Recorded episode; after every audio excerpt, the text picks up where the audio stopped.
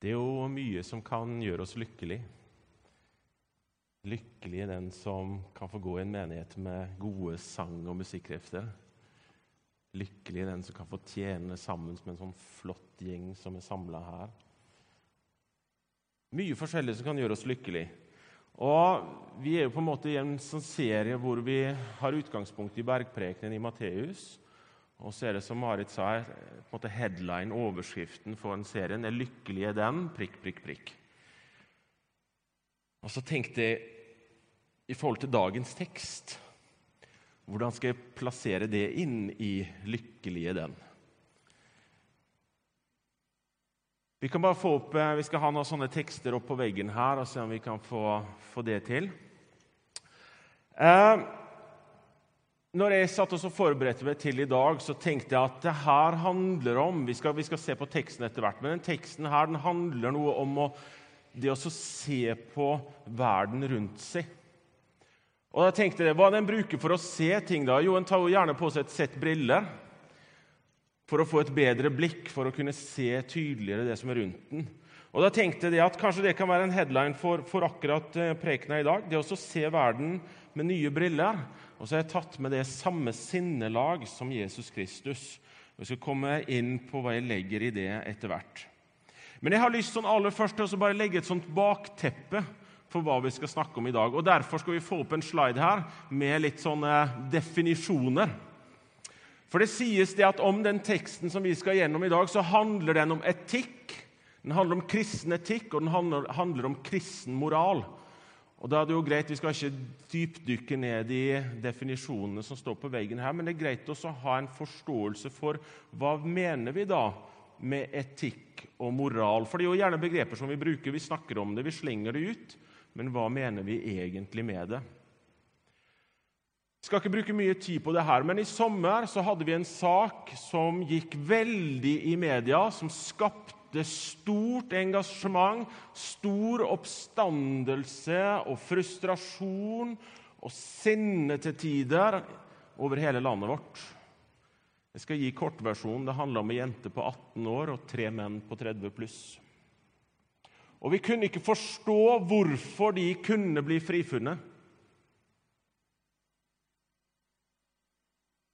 Jeg skal ikke begi meg inn på hvorfor de ble frifunnet, for det har ikke jeg noe innsikt i. men jeg tar det for gitt at rettsvesenet vårt fungerer slik som det skal, i henhold til lovverket. Men allikevel så skapte den saken der store eh, eh, mengder av følelser og reaksjoner. Og jeg tror det at det gikk på noe som en opplevelse av hva er riktig å gjøre, selv om det kanskje ikke per definisjon i lovverket er ulovlig å gjøre. Som en sa en gang, det står ikke beskrevet noe sted, så vidt jeg vet, i alle fall da, i det norske lovverket at utroskap er forbudt med lov. Men hvis du spør de som har blitt, vært utsatt for det, så får du gjerne høre at det var ikke greit allikevel.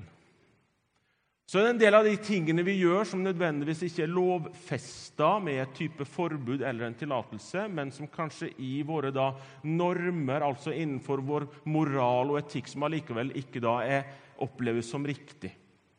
Og Det er greit å bare ha det som et sånt lite, lite, bakteppe her før vi skal gå inn i selve teksten. Og så har jeg lyst til å ta med en tekst også ifra Forkynnerne, kapittel 7, vers 16-18. For der står det Jeg vet ikke om du har sett det her før, men der står det Vær ikke altfor rettferdig, vis deg ikke for klok.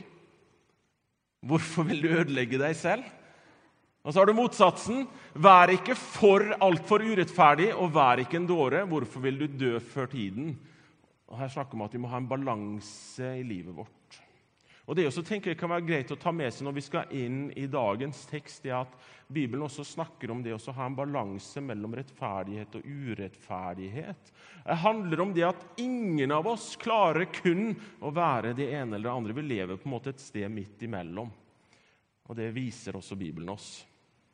Og så skal vi inn i det som er dagens tekst, som er fra Matteus kapittel 5, vers 38 til 48. Vi kan bare få opp eh, den sliden på veggen her som begynner.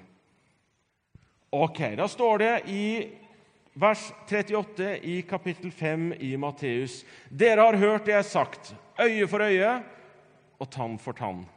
Men jeg sier dere, sett dere ikke til motverge mot den som gjør ondt mot dere. Om noen slår deg på høyre kinn, så vend også det andre til. Vil noen saksøke deg og ta skjorten din, så la ham få kappen også. Om noen tvinger deg til å følge med én mil, så gå to med ham. Gi til den som ber deg, og vend ikke ryggen til den som vil låne av deg. Vi kan stanse der til å begynne med nå. Lykkelig er den Ok. Hvor er lykken her? Øye for øye og tann for tann, det høres ganske brutalt ut. Og det handler om en tidlig lovgivning som vi ser i den eh, jødiske tradisjonen, men vi ser den også i andre eldre kulturer. At det var en, en sånn tidlig start på det at vi må, for å få et samfunn til å fungere, så må vi på en måte ha noen regler. Det er ikke sånn at vi bare kan gjøre som vi vil, men vi må ha et eller annet form, vi må ha, vi må ha noe system her som gjør at vi kan fungere som et samfunn. Og da kom det med øye for øye og tann for tann. Og Det er en tidlig lovgivning som skulle bl.a. motvirke det eh, som vi kaller selvtekt, altså at noen bare tar seg til rette hvis de opplever seg urettferdig behandla. For det kunne være sånn i en del eldre kulturer at hvis du så skjevt på meg, så gikk jeg hjem til stammen min og så fikk jeg med hele gjengen, og så tok vi livet av dere alle sammen. Og det er jo en fryktelig reaksjon på kanskje en liten fornærmelse. Så Derfor så han jo det at ok, sånn kan vi jo ikke holde på. Vi må finne noen bedre måter å løse sånne uenigheter mellom personer på. Og Da kommer han opp med det som da kalles her, eller som sies her, øye for øye, tann for tann. Og Det handler rett og slett eh, Det kalles på, på, lex talionis, kalles det. Loven om like for like, altså en juss basert på gjengjeldelse. Men ikke en gjengjeldelse hvor jeg, hvis det var den, den som ble utsatt for, for eh, en handling, fikk lov til å bare si at sånn skal det være. Det var en dommer som på en måte tok avgjørelsen. Og da var det slik at Hvis det forårsaka et, et brannsår på Håkon, så skulle jeg få tilsvarende brannsår sjøl. Hvis det forårsaka at du brakk foten din, så skulle jeg få brekke foten min, jeg også. Det var på en måte like for like. Og dette fungerer jo et stykke, da. Men så kommer det til et punkt OK, jeg nevnte det innledningsvis. Hva med voldtekt, da? Kan en gjøre like for like der? Eller overgrep? Den kommer til kort på en del ting. Altså, det stanser opp det å kunne gjøre gjengjeld like for like. Og Det så også de som praktiserte det her, at, at den, måte, den har sine begrensninger, sånn, et sånn type regelverk. Og Derfor gikk en mer og mer over til det etter hvert, at en rett og slett satte pengesummer, altså beløp. Ok, jeg forårsaket brannsår på det. Hva vil det koste meg for å på en måte komme fri fra den handlingen som jeg gjorde? Og så utvikla det, det her seg. Og så leser vi videre her at eh, hvis du får et slag på høyre kinn, så skal du vende, vende, det andre til. Og Her var det snakk om et slag med på en måte håndbakken, altså innsida på hånda. Og et slag på høyre kinn det ble ansett blant jødene som særdeles vanærende. Jeg har prøvd å finne ut av hvorfor var akkurat det særskilt vanærende. Jeg vet ikke om det kan ha noe med hva hendene ble brukt til, at det var de som ble, en rørte borti mange forskjellige ting med, og, og dermed at det ble oppfatta som noe urent. Men, men, det ble sett på særskilt vanærende, det også blir slått med håndbaken, og særskilt den referansen til det høyre. Så sier Jesus, 'Vend det andre kinnet til'. Videre så har vi det hvis noen tar skjorten din, så la han også få kappen. Hvorfor skal en person være interessert i å ta skjorta? Hvorfor tar han ikke kappa først? Liksom Han begynner med det som er på innsida, fremfor å ta kappen din. Og her er det, Vi skal komme tilbake til det her, men det her er muligens da et sånn tolkningsprinsipp av en lovbestemmelse i Det gamle testamentet om at hvis du tok kappen til en person i pant for noe, så skulle du alltid gi han tilbake på slutten av dagen. Fordi at Den kappen var ikke bare noe de hadde på seg når de var ute og gikk eh, sånn i, i løpet av dagen og, og så fine ut i. Det var også et teppe som de brukte for å holde varmen om natta. Så Derfor er det nok grunnen til at Jesus refererer til skjorta, for den sto det ingenting om i loven. Så Derfor var det på en måte greit å ta den, mens kappen måtte du faktisk gi tilbake igjen. Men så sier Jesus her hvis noen tar da skjorta di, så gi ham kappen også. Og Hvis noen da tvinger deg til å gå én mil, så skal du gå to. Da kan vi si det med en gang at Her er det ikke snakk om to ganger ti kilometer, men det er to ganger halvannen kilometer. Men allikevel, poenget her er at blir du tvunget til noe, sier Jesus, så skal du gjøre det dobbelte. Og så Avslutningsvis da, i den, den seksjonen her så, så, sier han det Gi til den som ber, lån til den som vil låne. Altså de som kommer med et krav mot deg som de egentlig ikke har noe grunnlag for å kreve. Du skal likevel ikke vende ryggen til, du skal låne hvis de spør. Jeg husker det Da jeg kjøpte min første bærbare PC, så var jeg livredd for at noen skulle spørre om å få låne den. Jeg hadde bestemt meg for at jeg skal låne den bort, og jeg skal ikke be om han får den tilbake inn.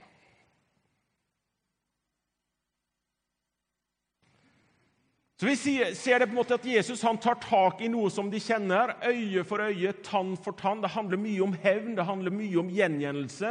Og så setter han en helt annen standard. Og så tenker jeg, Hvordan skal jeg klare å leve opp til det her, da?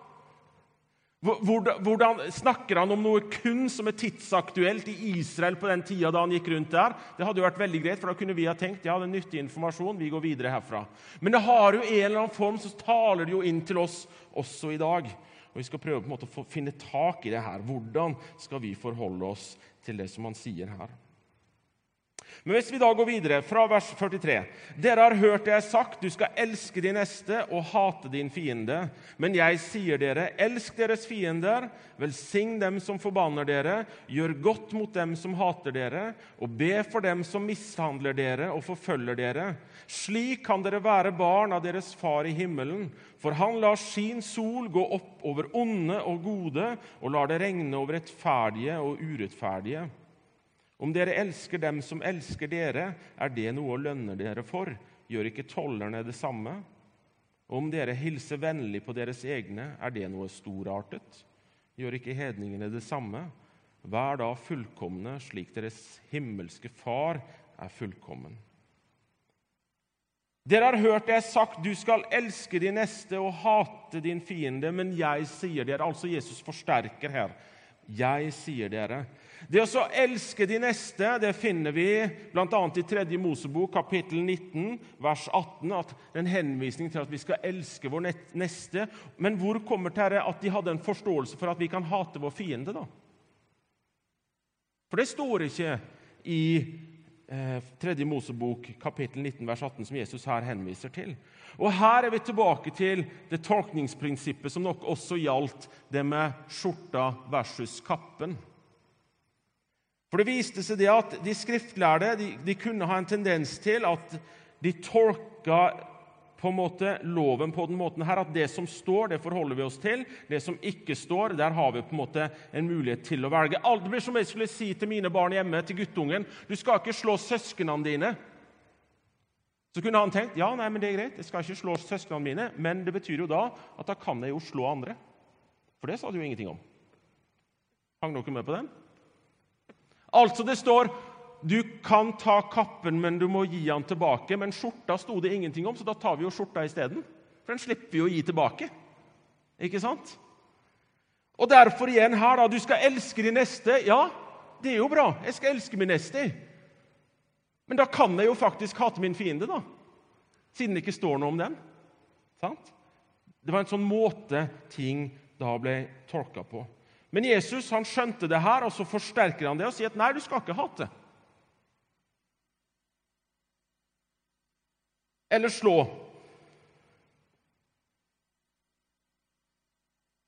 Og så drar han på en måte gjennom her. Det å elske de som elsker det er det, er det noe krevende? Nei, det er ikke det.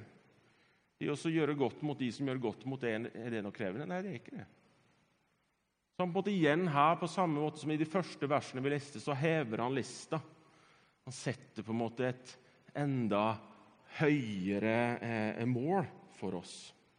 Og Så kommer da på slutten her et vers som er utfordrende. Vær da fullkomne, slik deres himmelske Far er fullkommen. Er det noen som vil rekke opp hånda på at de er det? Hvem melder seg? Eh, jeg syns den er utfordrende. Jeg må, jeg må, på en måte forstå det her. For det er også bare å få en beskjed om at vær fullkommen, ja, da må jeg bare innrømme med en gang at da, da vet jeg allerede at jeg har kommet til kort. Hvordan skal jeg forstå det? Jeg tror det handler om noe, noe om hvordan jeg velger å leve. At eh, det å for meg å være fullkommen det handler ikke om hva jeg klarer å prestere sjøl, men det handler om hva jeg er villig til å søke, hva jeg er villig til å leve. Det er søken etter det å bli mer lik Jesus. At i den prosessen der så gjør jeg på en måte det som Gud har skapt meg til fra start av. Og da ligger det på en måte at i det at jeg søker stadig nærmere Han, så, så, er det en fullkommenhet i det, for at jeg gjør det som Han hadde tenkt oss til i utgangspunktet. Det blir som en hammer. det. En hammer har jo ikke funksjon hvis den bare ligger i skuffen nede. Den er jo først i funksjon, den er på en måte fullkommen i det øyeblikket den får gjøre det som den faktisk er lagd til å gjøre. Jeg tror vi kan tenke det også i forhold til hva som blir sagt om at vi skal være fullkomne. Utfordrende vers. Du skal vende det andre kinnet til, du skal gi jakken fra deg hvis noen tar skjorten din, du skal ikke kreve tilbake, du skal gi til den som vil låne, du skal gå, gjøre det dobbelte hvis noen tvinger deg til å gå, osv. Hva er det som ligger til grunn her? Og her er det nok tilbake til ok, hva er etikk og moral for noe? Moral er jo et sett med verdier og holdninger, blant annet. Og Hva er det vi leser om her? Jo, vi leser jo om faktisk Guds verdier og holdninger. Hva er det som er verdifullt for Gud? Jo, han elska hele verden, og dermed også alle menneskene som er i den verden her. Kjempeverdifullt for Gud. Så verdifull at han var villig til å gi sin sønn. Og hva med holdningene da her? Jo, fordi at mennesket er så verdifullt for Gud så betyr på en måte ingenting av det et menneske kan finne på noe. Fordi at Det viktigste for Jesus Kristus er at det mennesket skal få se hvem han er, få komme til tro på han og få tilgivelse, frelsen i ham. Og Det er det som ligger til grunn her. Og så tenker jeg ok, det, det, nå legger du vel lista veldig høyt til Gud. For det er her på en måte du utfordrer meg til å strekke meg etter. For jeg kjenner på det at hvis noen er urettferdig mot meg, eller at jeg kjenner på at det er urettferdig Jeg har ikke lyst til å gjøre noe som helst tilbake. Jeg har lyst til å gjøre urettferdige ting tilbake igjen. Det er det jeg kjenner på. Men så utfordrer han meg på Ja, Jan Egil, jeg skjønner det. Men jeg vil at du skal være min representant i den urettferdige situasjonen. da. Og så utfordrer jeg deg til å reagere annerledes på det her for om mulig på den måten å kunne si noe om meg til den personen som opptrådte på den måten overfor deg. Dette er jo ikke enkelt, da. Vi kalles til å være et annerledes folk til å reagere annerledes, til å sette våre egne liv i et større perspektiv, der vi kobler oss på Guds store historie og ser handlingene våre ikke i lys av her og nå, men i lys av evigheten. Jeg sa det det å kunne ta på seg nye briller og se på omgivelsene sine på en ny og annerledes måte. Det er jo klart Når jeg leser de versene her, så kan jeg ikke bare tenke ok, det her var sikkert noe sånn jødisk støff for, for 2000 år siden. Jo, det gjelder i dag. Guds ord er det samme i dag, så det har betydning i dag. Men så er det problemet, hva er problemet med briller, da? Enten så finner du det ikke, det er jo én ting. Eller så kan du jo ta de av da, hvis du ikke liker det du ser. Så selv om på en måte dette kanskje gir meg en ny innsikt i hvordan jeg skal leve i forhold til verden omkring meg, så er ikke dermed sagt at jeg gjør det. For det er på en måte å ta et skritt til det. Det handler om også å gjøre de verdiene, de holdningene som Jesus her representerer, til mine verdier og holdninger. Og Da kan vi lese fra Filipperne kapittel 2. Jeg kan bare få opp det på veggen her. Og Der står det La samme sinnelag være i dere som også var i Kristus Jesus. Altså det sinnelaget som Jesus har, så får han til å si det som vi nettopp har lest her. Det samme sinnelag, skal på en måte være i meg. Og Hvis vi hopper til Romerne kapittel 12, for hvordan gjør vi det her, da? Og Her står det Innrett dere ikke etter den nåværende verden, men la dere forvandle ved at sinnet fornyes. Hvis jeg skal kunne ha sjans i havet til å representere noe av det som jeg har lest her i dag, i møte med mine omgivelser, så vet jeg at der klarer jeg ikke meg sjøl. Og så, Hva er det som skjer da? Er det sånn at Gud da bare tar ut på en måte den gamle programvaren som han skapte meg med, og så setter han inn en ny en, og så når jeg har fått den på en måte lasta opp og på plass, så gjør jeg det her automatisk? Nei, det er ikke sånn heller. Det han gjør, er det at han inviterer meg til en sånn forvandlingsprosess ved at mitt sinn kan fornyes når jeg lever sammen med ham. Altså, Han inviterer meg inn til å gå med ham i det løpet her. For det skjer ikke over natta, i hvert fall ikke for min del, kanskje ikke for din del heller. Men det er en prosess vi står i. Vi lever et liv i det her.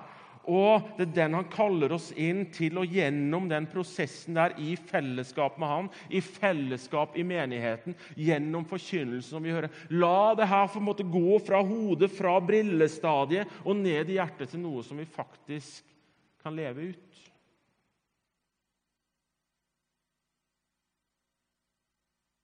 Jeg leste en historie om eh, en kvinne som, eh, som ble en kristen. Og når mannen på en måte oppdaga det, så, så ble han fæl mot henne, rett og slett. Og, og på en måte, Den historien som jeg leste om hun dama her, den leste på en måte etter at mannen hennes også var blitt en kristen og på en måte hadde et sånt vitnesbyrd som, som, jeg leste i et eller annet magasin. Og, og hvor på en måte hun ble spurt av hvordan, hvordan reagerte du når mannen din ble på en måte stygg mot når han ble fæl mot deg, når han gjorde sånne ting imot deg? Hva gjorde du da? Da sa hun det, det gjorde enda mer godt imot ham. på en måte, Jo styggere han ble, jo bedre ble hun. Jeg tenker ah, fantastisk, da. Og Det var jo det som vant hans hjerte. Det at hans vondskap mot kona si, den, den strakk ikke til. Det var fantastisk. Fordi at den godheten som hun i Jesus Kristus klarte å vise tilbake den hadde ingen begrensning. Den stoppa ikke opp. Og Jeg nekter jo å tro at det var enkelt. da. Det er sånn, Plutselig så ser du at den personen du er glad i, den snur seg om mot deg på den måten. der. Men det var på en måte hennes vitnesbyrd at jo, det blir litt av det som vi leser om her, at istedenfor å på en måte slå tilbake Nå vet jeg ikke om han slo, da, men vi bruker det som et eksempel. Istedenfor å slå tilbake, så vendte hun det andre kinnet til. Når han forlangte for masse, så gjorde hun det dobbelte. Når han var urettferdig og urimelig, så, så møtte han med godhet allikevel. Og Jeg tror det ligger en, en, sannhet i akkurat det eksempelet der. For Hvis vi tar opp det, jeg tror det, er det siste verset her nå Og det her er, at, er der hvor jeg har lyst til at vi skal lande. Fordi alle så har vi synda. Alle så mangler vi Guds herlighet. Men ufortjent og av Hans nåde så blir vi kjent rettferdig, frikjøpt i Kristus Jesus. For når jeg leser eh, de versene som vi har vært igjennom her i dag, i det nådeperspektivet som Gud har for oss, så omhandler de versene her Guds nåde til oss. Han møter oss med sin nåde. Han har ikke noe behov for å nødvendigvis poengtere overfor meg alt det han vet jeg har gjort feil, og som jeg også vet at er feil. Men han møter meg med sin nåde, med sin rettferdighet. Jeg blir frikjøpt i Jesus Kristus. Og Det er det jeg opplever på en måte at gjenspeiler seg i Matteus kapittel 5, vers 38-48. er faktisk hvordan Gud møter verden med sin nåde, og hvordan han utfordrer det og meg til å møte verden videre med hans nåde. Fordi vi har blitt frikjøpt, så kan vi være med å frikjøpe andre gjennom at vi kan dele videre det som vi har fått. Betyr det da at det som Jesus sier her, det skal vi på ingen måte ta bokstavelig? Jo, jeg tror faktisk at vi kan ta det bokstavelig. Samtidig så tror jeg også at det ikke er en oppfordring til at, oppfordring til at vi skal få anarkistiske samfunn. Jesus sier det om loven, at han ikke kommer for å oppheve loven, han kommer for å oppfylle loven. Loven gjelder fortsatt. Det vil alltid være behov for en samfunnsstruktur med lov og regler så lenge vi skal få det her til å fungere. Men han oppfordrer oss til å tenke gjennom hvordan er det vi reagerer, hvordan er det vi responderer på omgivelsene våre. Er det sånn at det viktigste for meg er å alltid stå på, rett, på min rett? Eller kan jeg faktisk vise en annen måte å reagere på og tenke at ja, far, det her syns jeg er vanskelig, men jeg håper at det her kan være med å herliggjøre det Jesus. Kan vi tenke sånn? Kan vi leve i et lys av Guds evighetsperspektiv for oss i Jesus Kristus? Klarer vi å se det at det livet vi har fått, det strekker seg ut over de årene vi har her på jorda? At døden for oss det er ikke en endestasjon, men det er en dør inn til fortsatt å leve. Kan jeg klare på en måte å dra det med meg inn i min hverdag når jeg går på jobb i morgen og møter kollegaer, når jeg møter familien, når jeg på en måte går tilbake til hverdagen? Klarer jeg på en måte å ta det her med meg? Hvordan er det ting jeg kan gjøre nå som gjør at jeg kan være enda mer din ambassadør, far, din representant, Jesus, din etterfølger, din disippel?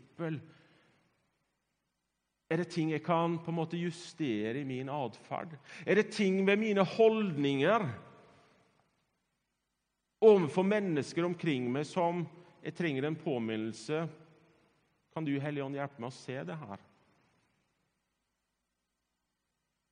Hvordan tenker vi om de som kom over grensene våre her for en stund tilbake? Tenkte vi at de var snyltere og dagdrivere som hadde stukket av fra ansvaret sitt? Eller klarte vi å se de som mennesker på flukt som trengte hjelp? Hvordan var mine holdninger til liv? Fantastisk at vi har Språkkafeen her, som åpner opp for at nye landsmenn kan få komme inn og få lære språket, få kjenne norsk kultur osv. Hvordan tenker vi om mennesker som kommer til oss? Hvordan tenker vi om arbeidskollegaene våre? Miljøet? Er det ting der du kan utfordre meg på, far, som gjør at jeg kan representere det i enda større grad på arbeidsplassen min, i familien min? Hvordan kan jeg sette det som vi har lest, ut, lest i dag, ut i livet i min hverdag, og representere det gjennom mine handlinger, mine verdier, mine holdninger? Det jeg har lyst til å avslutte med Lykkelig er den prikk, prikk, prikk, som vender det andre kinnet til. Ah, jeg er ikke helt der, men jeg skjønner hva det menes. Lykkelig er den som gir bort og låner uten å få tilbake. Ja, Den utfordrer meg det nå, men det som jeg tror at jeg kan lande på i dag, selv om jeg mener det at vi kan ta med oss det som Jesus sier her, og prøve å praktisere det, sette det ut i liv i ulike grader i vår hverdag, så tenker jeg det at det som jeg har lyst til at du skal gå herfra med i dag, er det som jeg sa Vi får se nåden her. Lykkelig er den som har fått tatt imot og fått se og få leve i Guds nåde. Og så har jeg lyst til å si lykkelig er den som får lov til å møte deg. Og få erfare Guds nåde gjennom deg. Vi ta oss og be sammen? Jeg takker deg, far, fordi at du er midt iblant oss. Du kjenner ditt ord, du vet hva du vil med ditt ord. Og du ser våre forsøk på å formidle av ditt ord og forsøke å forstå sammenhengen og forstå hvordan vi skal forholde oss til det, hvordan vi skal gå på ditt ord, hvordan vi skal representere det og ditt rike i vår tid. Og Nå ønsker jeg bare å be, far, om at du taler til hjertene våre. At du hjelper oss å se hva som er din plan for våre liv. Og så ber jeg om at du hjelper oss til å se hvordan vi kan eh, vise din nåde, din barmhjertighet, din kjærlighet i vår verden. Og så ber jeg deg, far, om at du hjelper oss til å ikke være de som fremstår på barrikadene for vår egen rettferdighet, men at vi kan være med, som vi leste i ditt ord, og reagere annerledes når ting skjer imot oss, for på den måten å kunne peke på det, Jesus. Vi har ikke alle svarene, vi har ikke alltid fasiten, men jeg ber Helligånd om at du virker videre i tanken vår og i hjertet vårt, og at vi kan få ta det her med oss ut i hverdagen vår. Amen.